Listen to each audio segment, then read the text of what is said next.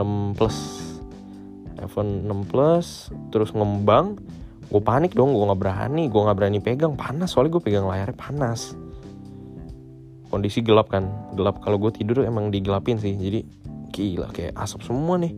Gue udah mulai batuk-batuk kan gue buka pintu. Hello guys. Welcome to podcast 430 Podcastnya anak muda Indonesia Hari ini kita di episode ke-8 Sebelum gua mulai, gue mau thank you dulu buat semua yang masih dengerin podcast ini Ataupun pendengar baru Thank you udah dengerin podcast gua. Semoga dari podcast ini ada kalian bisa dapetin mungkin manfaat atau mungkin ya seru lah untuk mengisi waktu kalian kayak gitu. Nah jadi episode ke-8 ini menandakan udah dua bulan ya gue mulai podcast ini. Dari awalnya iseng ya udahlah gue pas punya banyak waktu bikin podcast juga bentar nggak nyampe sejam kok. Rekam edit semua tuh cepet banget. Dan sekarang lagi corona gini jadi ya santai banget sih bikin podcast. Waktu makin banyak kayak gitu. Nah hari ini gue mau ngomongin soal kejadian yang gue alami udah lama sih sebenarnya. Cuma ada event pemicunya lagi nih, uh, belum lama ini kayak gitu. Mungkin gue pengen nanya dulu sih, pernah gak sih kalian kayak dihadapkan dengan kenyataan yang pahit gitu, yang mendadak banget.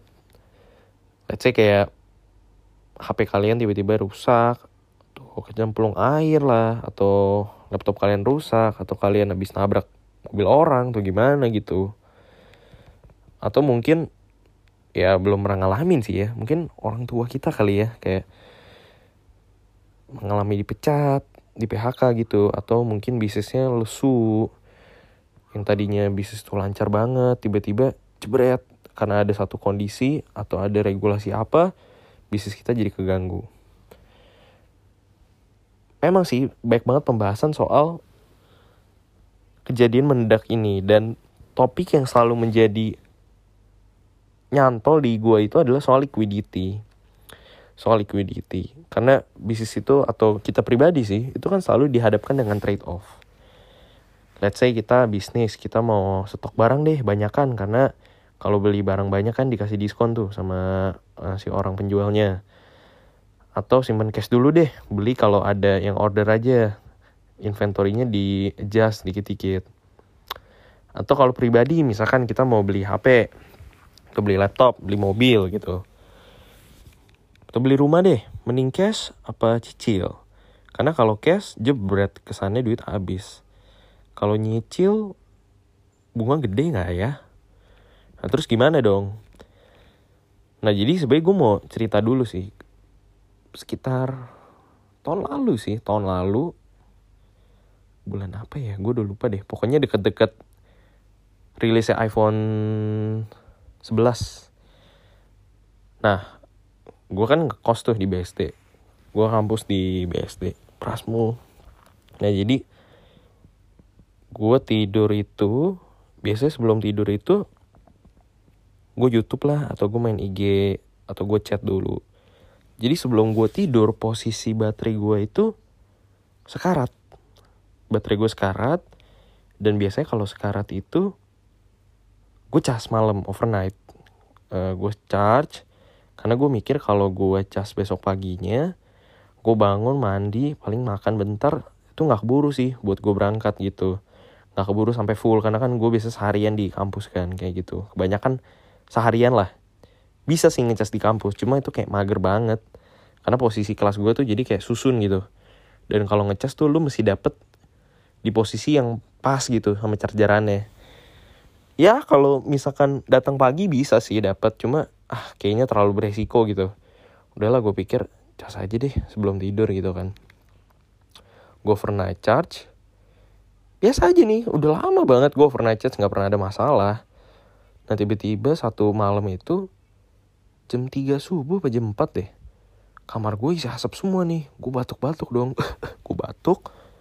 Eh gue cek ternyata HP gue meletus. HP gue meletus udah ngembang tuh iPhone gue waktu itu iPhone 6 iPhone 6 plus. iPhone 6 plus terus ngembang gue panik dong gue nggak berani gue nggak berani pegang. Panas soalnya gue pegang layarnya panas.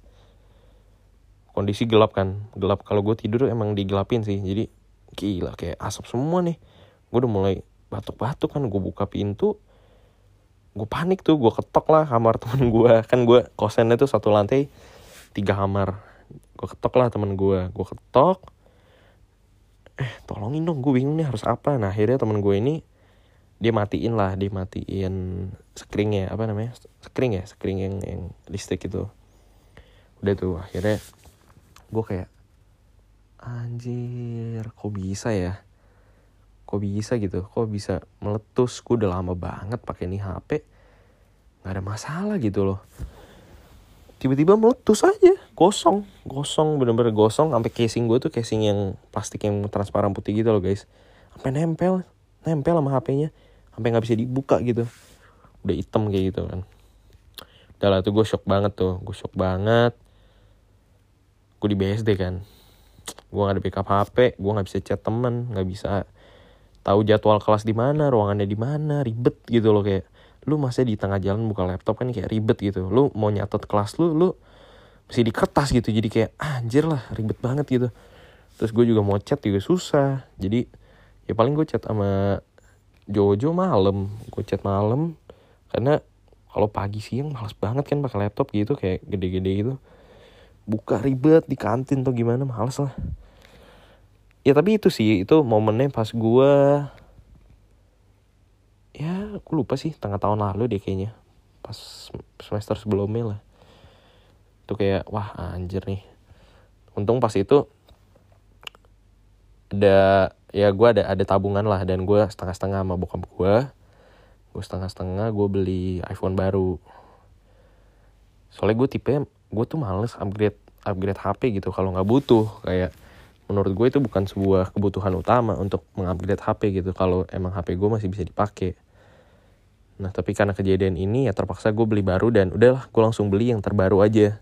Biar awet gitu biar gue pakai bisa cukup lama. Ya udah setengah-setengah lah sama bokap gue tuh kayak gitu. Nah habis itu udah sih sebenarnya momen itu udah udah kelewatan. Kayak gue udah udah nggak bahas juga cuma belum lama ini ada satu teman gue yang ngalamin kejadian serupa. Eh, gue udah izin orangnya sih untuk share di podcast ini. Jadi semua yang gue omongin udah gue izin lah kayak gitu. Nah jadi belum lama ini teman gue itu laptopnya meletus, bukan meletus sih sebenarnya, lebih kayak dia nggak overnight charge, dia nggak melakukan kesalahan apa-apa. Dan ini MacBook, MacBook gitu, MacBook Pro dia nggak melakukan kesalahan apa-apa tiba-tiba MacBooknya itu layarnya LCD-nya masalah gitu lah kayak bukan blue screen sih kayak warna warna warna gitulah kayak pokoknya nggak bisa di nggak bisa dilihat layar yang bener gitu. Nah kondisinya dia lagi mau pakai tiba-tiba laptopnya kayak gitu. Tiba-tiba laptopnya kayak gitu. Nah terus dia ceritalah cerita ke gua lagi cerita cerita cerita. Dia jadi memang udah sisihin sih. Dia udah sisihin memang dia mau invest udah nabung segala macam jadi dia kayak agak mager gitu mau ganti laptop kayak aduh duitnya dia mau pakai untuk hal yang lain gitu yang lebih produktif yang lebih investasi kayak gitu kan. Dan kondisinya tuh gue dua minggu lagi tuh UTS online gitu. Jadi butuh laptop dong karena kan harus ngisi jawaban online segala macam fit call ribet lah kalau pakai HP gitu nah teman gue ini juga ya nggak enak sih minta ke bonyok karena namanya bisnis kan lagi lesu lesu ya dengan ada corona ini. Jadi nggak enak lah gitu mintanya. Mau minta koko atau cici juga baru di PHK dari kantornya. Jadi nggak ada income lagi kan. Jadi ribet banget gitu. Nah sebenarnya poin gue bukan soal cerita kejadiannya sih. Tapi di saat itu gue ngebahas sama temen gue itu dia ngomong kayak iya ternyata emergency fund sepenting itu gitu. Emang sih kayak kita sering lah ngomongin soal-soal keuangan soal-soal kayak personal finance gitu. Jadi emang teman gue ini udah open banget sih sama yang gini-ginian. Dia bilang ke gue iya sekarang baru kerasa nih kalau mau menolong kayak gini. Nama emergency fund tuh penting gitu kalau udah kerasa baru kerasa kalau misalkan belum terjadi mager-mageran gitu ngumpulin emergency fund. Nah jadi kembali ke definisi tadi, gue pengen kita semua setuju dulu bahwa namanya pengeluaran itu tetap atau bahkan meningkat lah setiap tahun atau setiap bulannya pasti ada aja pengeluaran lebih gitu kan.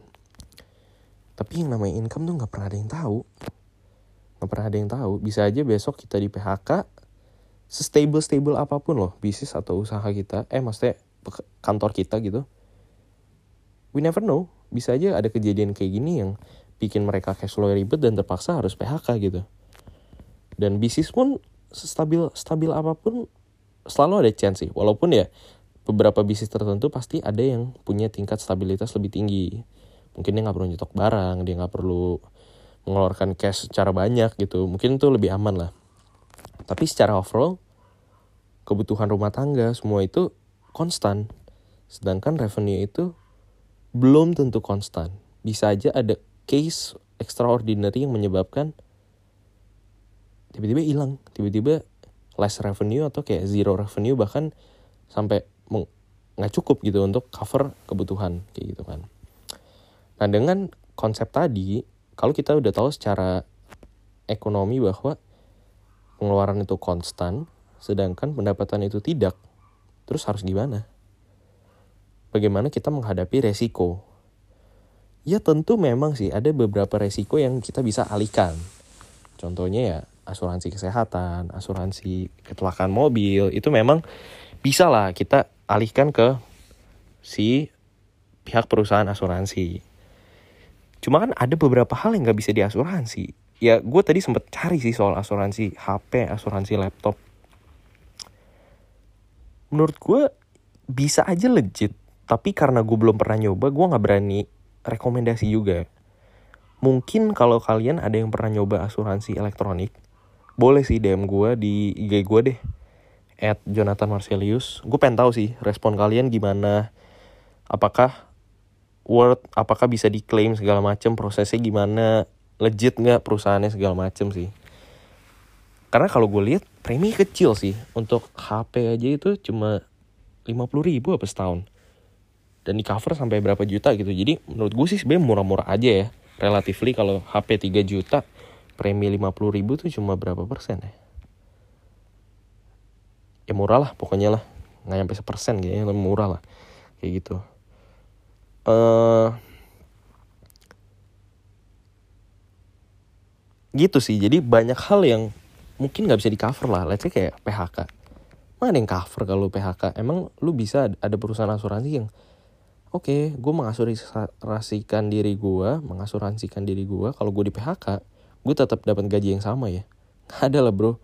Ya ada sih tapi kondisinya itu kalau lu tidak bisa kerja bukan di PHK ya kalau lu tiba-tiba sakit misalkan namanya itu critical illness. Jadi kayak asuransi itu tuh jadi kalau lu sakit pas lu lagi kerja nanti gaji lo akan di untuk lo kan mendapatkan uang lah kayak gitu sebagai pengganti lo yang nggak bisa kerja. Cuma dalam case PHK nggak ada nggak ada yang jamin lu bisa dapat income selamanya gitu loh. Jadi menurut gue sih namanya hidup nggak bisa sih kita alihin semua resiko kita. Yang ada itu adalah gimana kita itu memanage resiko tersebut memang sih soal asuransi ini agak ribet lah. Jujur gue sih bukan penjual uh, asuransi, tapi gue sempet pelajarin lah secara detail banget. Karena waktu itu gue lagi bantu bokap gue untuk nyari asuransi yang sesuai, sesuai kebutuhan dan tentunya termurah lah. Karena ya yang gue pelajari sih selama gue bantuin bokap gue ini, gue gak dibayar ya namanya ibu bokap sendiri gitu kayak ya udah gue pelajarin gue riset gue cari tahu sana sini. Memang asuransi itu lu bayangin itu kayak makan di restoran gitu. Lu datang lu ketemu pelayannya anggap pelayannya itu kayak agen lah. Pelayannya lu disuguhin menu dia tanya tentang lu mau makan apa mau yang ngerasa apa segala macam dan lu lihat wih gila menunya banyak nih. Nah karena lu lagi butuh banget lu kalap lu kalap lu ditawarin menu-menunya lu pesen deh sebanyak-banyaknya karena lu lagi lapar kan. Nah pas lu lihat tagihannya wih ternyata mahal juga nih. Yang seharusnya mungkin lu nggak perlu keluarin sebesar itu. Which menurut gue fair aja kalau memang secara keuangan kalian mampu membeli asuransi dengan yang fancy-fancy itu ya sah-sah aja. Cuma kan konteks kita nih, kita ngomongin anak muda yang relatif income-nya terbatas, let's say baru kerja pertama, fresh grad, segala macem. Ya kalian pikilah dalam pilih-pilih ginian, pelajarin dulu semuanya, jangan langsung asal beli, tanya yang banyak. Ya gitu sih, kurang lebih, pelajarin dulu lah. Cuma bukan itu sih poinnya. Poinnya adalah nggak semua bisa dialihin ke asuransi. Jadi gimana kita manage-nya dan salah satu konsep yang menurut gue menarik itu adalah konsep emergency fund. Di mana kalau sebagai seorang pribadi atau bisnis pun, kan ada namanya neraca, neraca keuangan gitu. Jadi kalau di bisnis ada namanya aset sama dengan liabilitas ditambah ekuitas. Jadi kalau kita punya atau bisnis itu punya aset misalkan ruko sebagai tempat usaha. Nah, fungsi neraca itu adalah menentukan mana yang menjadi bagian kreditur mana yang menjadi bagian dari pemegang saham. Let's say kita punya ruko 5M.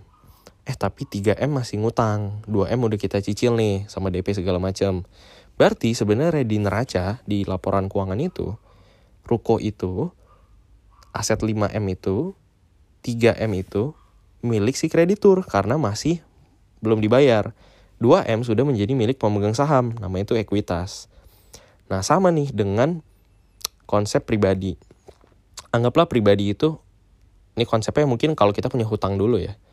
Kalau kita punya hutang, berarti kan di balance sheet kita, let's say kita punya mobil, nilainya itu 1M deh. Let's say kita punya mobil 1M. Tapi kita baru DP 20% plus cicilan total 20% dari yang dibutuhkan. Let's say kita baru bayar sekitar 400 juta lah. Anggap si mobil 1M itu kita berarti masih ngutang 600 juta dong. Lupain dulu deh soal bunga. Pokoknya dari 1M itu 400 juta udah kita bayar, 600 juta masih ngutang. Oke. Lupain dulu depresiasi lah, anggap depresiasi nggak ada dulu gitu. Nah berarti mobil itu sebenarnya 600 juta masih menjadi bagian kreditur.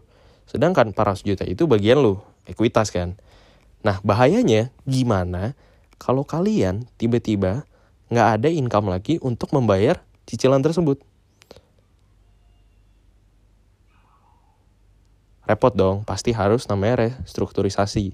Nah itu juga bukan topik hari ini itu mungkin agak dalam tapi kurang lebih itu satu. Gimana kalau kalian punya utang tapi income kalian stop? Ribet kan? Kedua let's say kalian gak punya utang deh.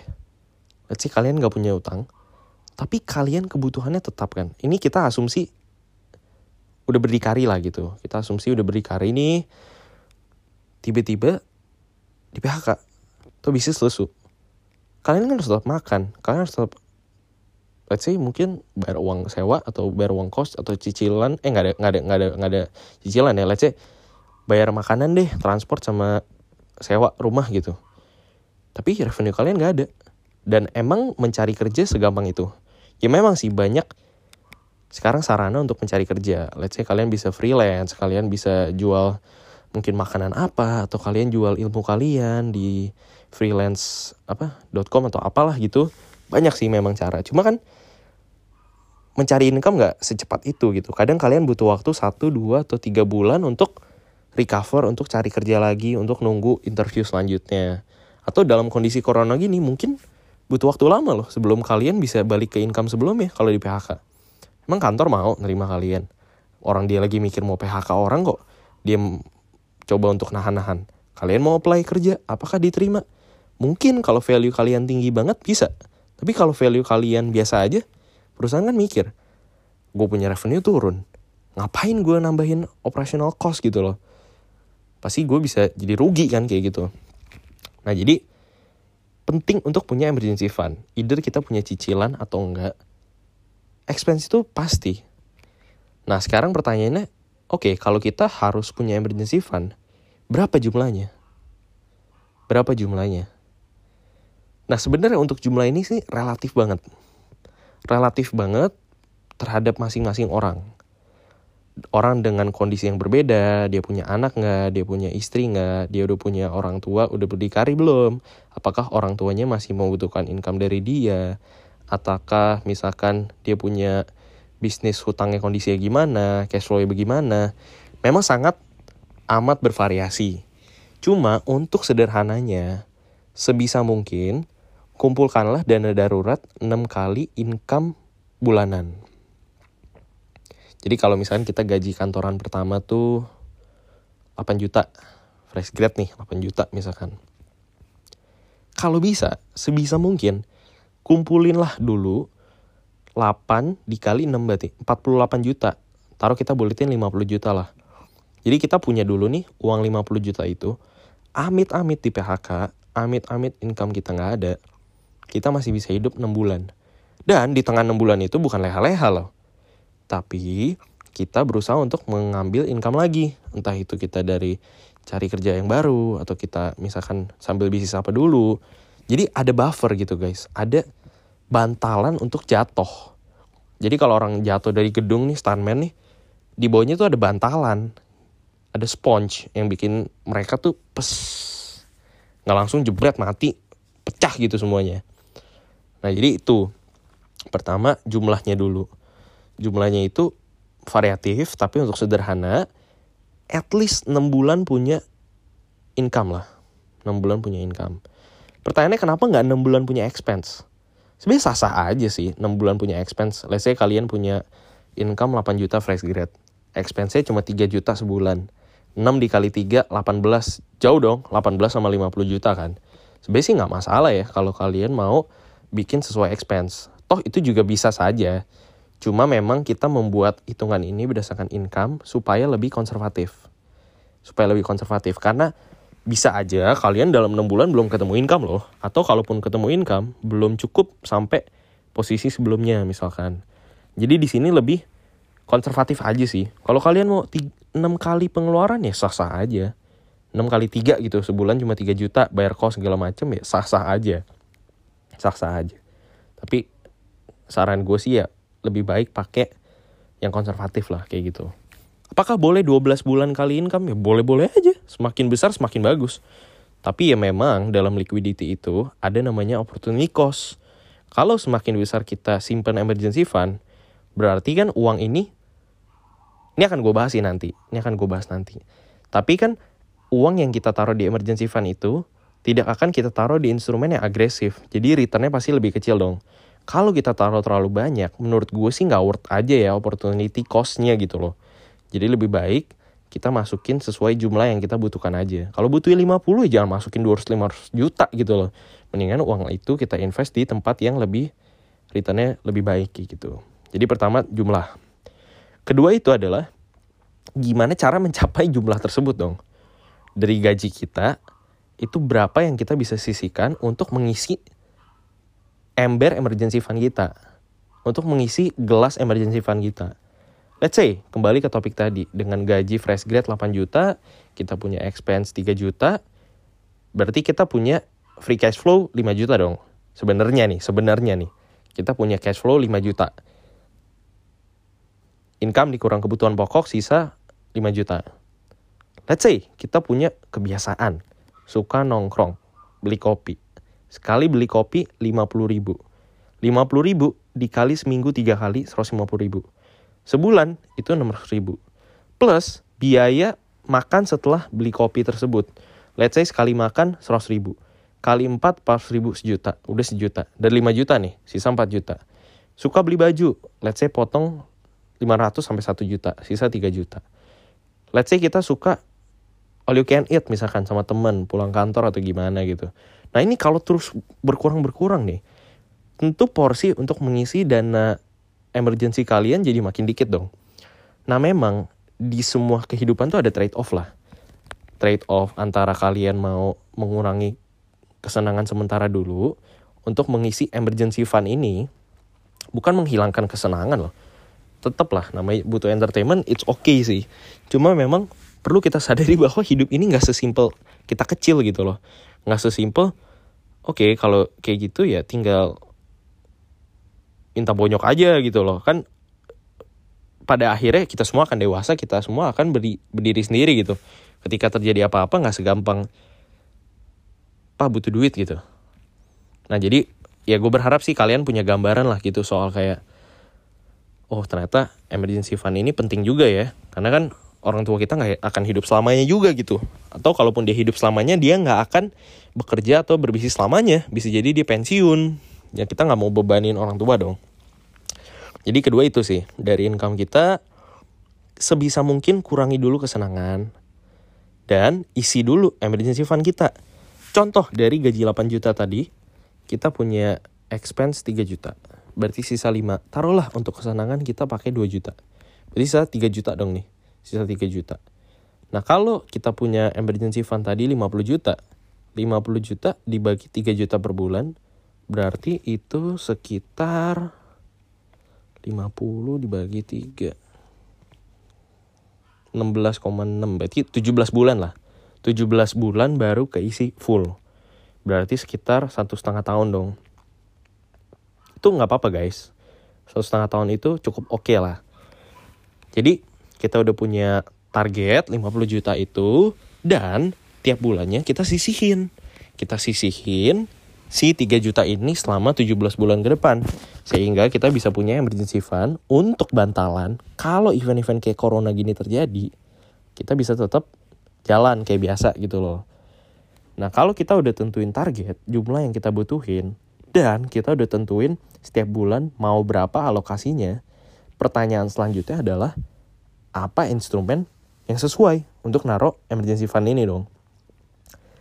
Sesuai namanya, emergency fund. Kalau gitu, apa yang penting di emergency? Let's say kita lagi kebakaran di mall. Emergency pemadam kebakaran itu diletakkan di posisi yang gampang diakses dong. Harus gampang dipecahin, gampang dipakai, dan bisa langsung mematikan api penyebab gitu, penyebab kebakarannya kan.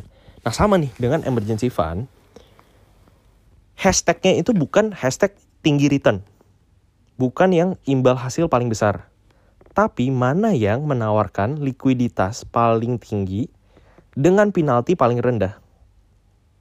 Jadi kalau di masalah likuiditas itu ada tiga faktor, ada soal dua sih, ada penalti dan uh, penalti dan fee gitu. Jadi kayak kalau kita cairin berapa penalti fee-nya, oh penalti dan return. Nah kedua itu adalah berapa returnnya kan. Nah kalau untuk emergency fund nggak usah fokus ke return, tapi fokus ke mana yang paling memberikan likuiditas terbaik. Nah untuk emergency fund baiknya sih masuk di deposito jangka pendek, misalkan satu bulan. Deposito satu bulan masih oke okay lah. Walaupun itu pun kalau kita cairkan akan dikenakan fee juga kan, akan nggak dapat bunganya kayak gitu. Atau kita bisa juga masuk ke reksadana pasar uang. Reksadana pasar uang itu yang relatif stabil dan memiliki resiko sangat rendah atau beli emas. Atau yang paling terbaik sebenarnya itu adalah membeli mata uang asing. Membeli mata uang asing, kita beli 5 mata uang terkuat yaitu dolar, yen, yuan, pound dan euro kayak gitu. Jadi kita beli aja mata uang yang stabil kayak gitu. Untuk instrumen itu sih kalau bisa masuk ke yang liquid dan returnnya tidak berfluktuatif terlalu tinggi. Jadi namanya obligasi, namanya saham itu nggak cocok guys, nggak cocok banget buat emergency fund. Jangan pernah kalian masukin emergency fund kalian untuk beli saham atau beli obligasi. Karena pas kalian butuhin bisa aja gak cair dalam jangka cepat ataupun kalau cair bisa jadi kalian ada kerugian tipis lah kayak gitu. Paling aman sih di tabungan lah, di tabungan di deposito aja sih kayak gitu. Instrumen sih kayak gitu. Untuk instrumen, jadi pertama jumlah, kedua plannya berapa per bulan, ketiga instrumen, dan terakhir adalah monitor. Jadi kita harus monitor nih dan darurat kita. Kita monitor, kan namanya hidup pengeluaran naik nih tiap tahun. Ada namanya inflasi harga naik. Jadi, dana darurat ini harus kita adjust dengan inflasi. Nah, baiknya sih kita masukin inflasi 5% lah. 5%. Jadi kalau kebutuhan kita hari ini gaji 8 juta, emergency fund-nya kan berarti tadi sekitar 50 juta ya. Nah, kalau kita tahun depan kita adjust nih emergency fund kita menjadi 50 juta dikali 1,05 tuh berapa tuh 52,5 juta nah jadi kita harus tingkatin lagi nih emergency fund kita sesuai dengan inflasi kenapa karena kebutuhan itu meningkat sekali lagi kebutuhan itu cenderung stabil dan meningkat sedangkan gaji kita belum tentu naik jadi penting banget nih untuk di adjust dan dimonitor apakah udah tiap bulan kita sisihin 3 juta. Apakah ternyata kayaknya terlalu berat deh, kayaknya gue mengorbankan kesenangan terlalu berlebihan. Turun deh jadi dua setengah misalkan. Nah itu nggak apa-apa, itu bisa di adjust. Atau ah kayaknya 3 juta kekecilan nih, gue gaji gue udah naik jadi 12 misalkan. Gue nambahin deh jadi berapa juta per bulan itu. Nah itu dimonitor aja sih, sesuai kebutuhan dan income masing-masing kayak gitu. Nah jadi harapannya dengan kalian udah tahu konsep mengenai emergency fund ini, ya kita semua bisa lebih tenang lah, lebih tenang, lebih sane dalam menghadapi namanya krisis yang mendadak. Krisis yang mendadak yang tiba-tiba income hilang, tiba-tiba bisnis lesu, tapi pengeluaran tetap atau naik. Kita bisa lebih tenang karena kita tahu ada bantal yang bisa menahan kita kalau kita jatuh. Itu sih. Jadi semoga kalian dapetin satu manfaat, semoga kalian bisa dapetin sebuah konsep yang mungkin baru atau mungkin konsep sudah lama kalian udah pernah denger tapi kalian belum pernah terapin kayak gitu kalau kalian merasa ada manfaat boleh kalian share podcast ini di Instagram kalian lalu tag gue supaya nanti gue bisa repost Abis itu kalau kalian ada feedback juga boleh langsung DM gue aja di @jonathan_marcelius. Thank you udah dengerin sampai akhir. Thank you, semoga kalian tetap sehat, tetap aman dan social distancing juga. Dan semoga bisa menjalani aktivitas dengan tenang dan tidak khawatir gitu. Oke, terima kasih guys. Thank you. See you di episode berikutnya.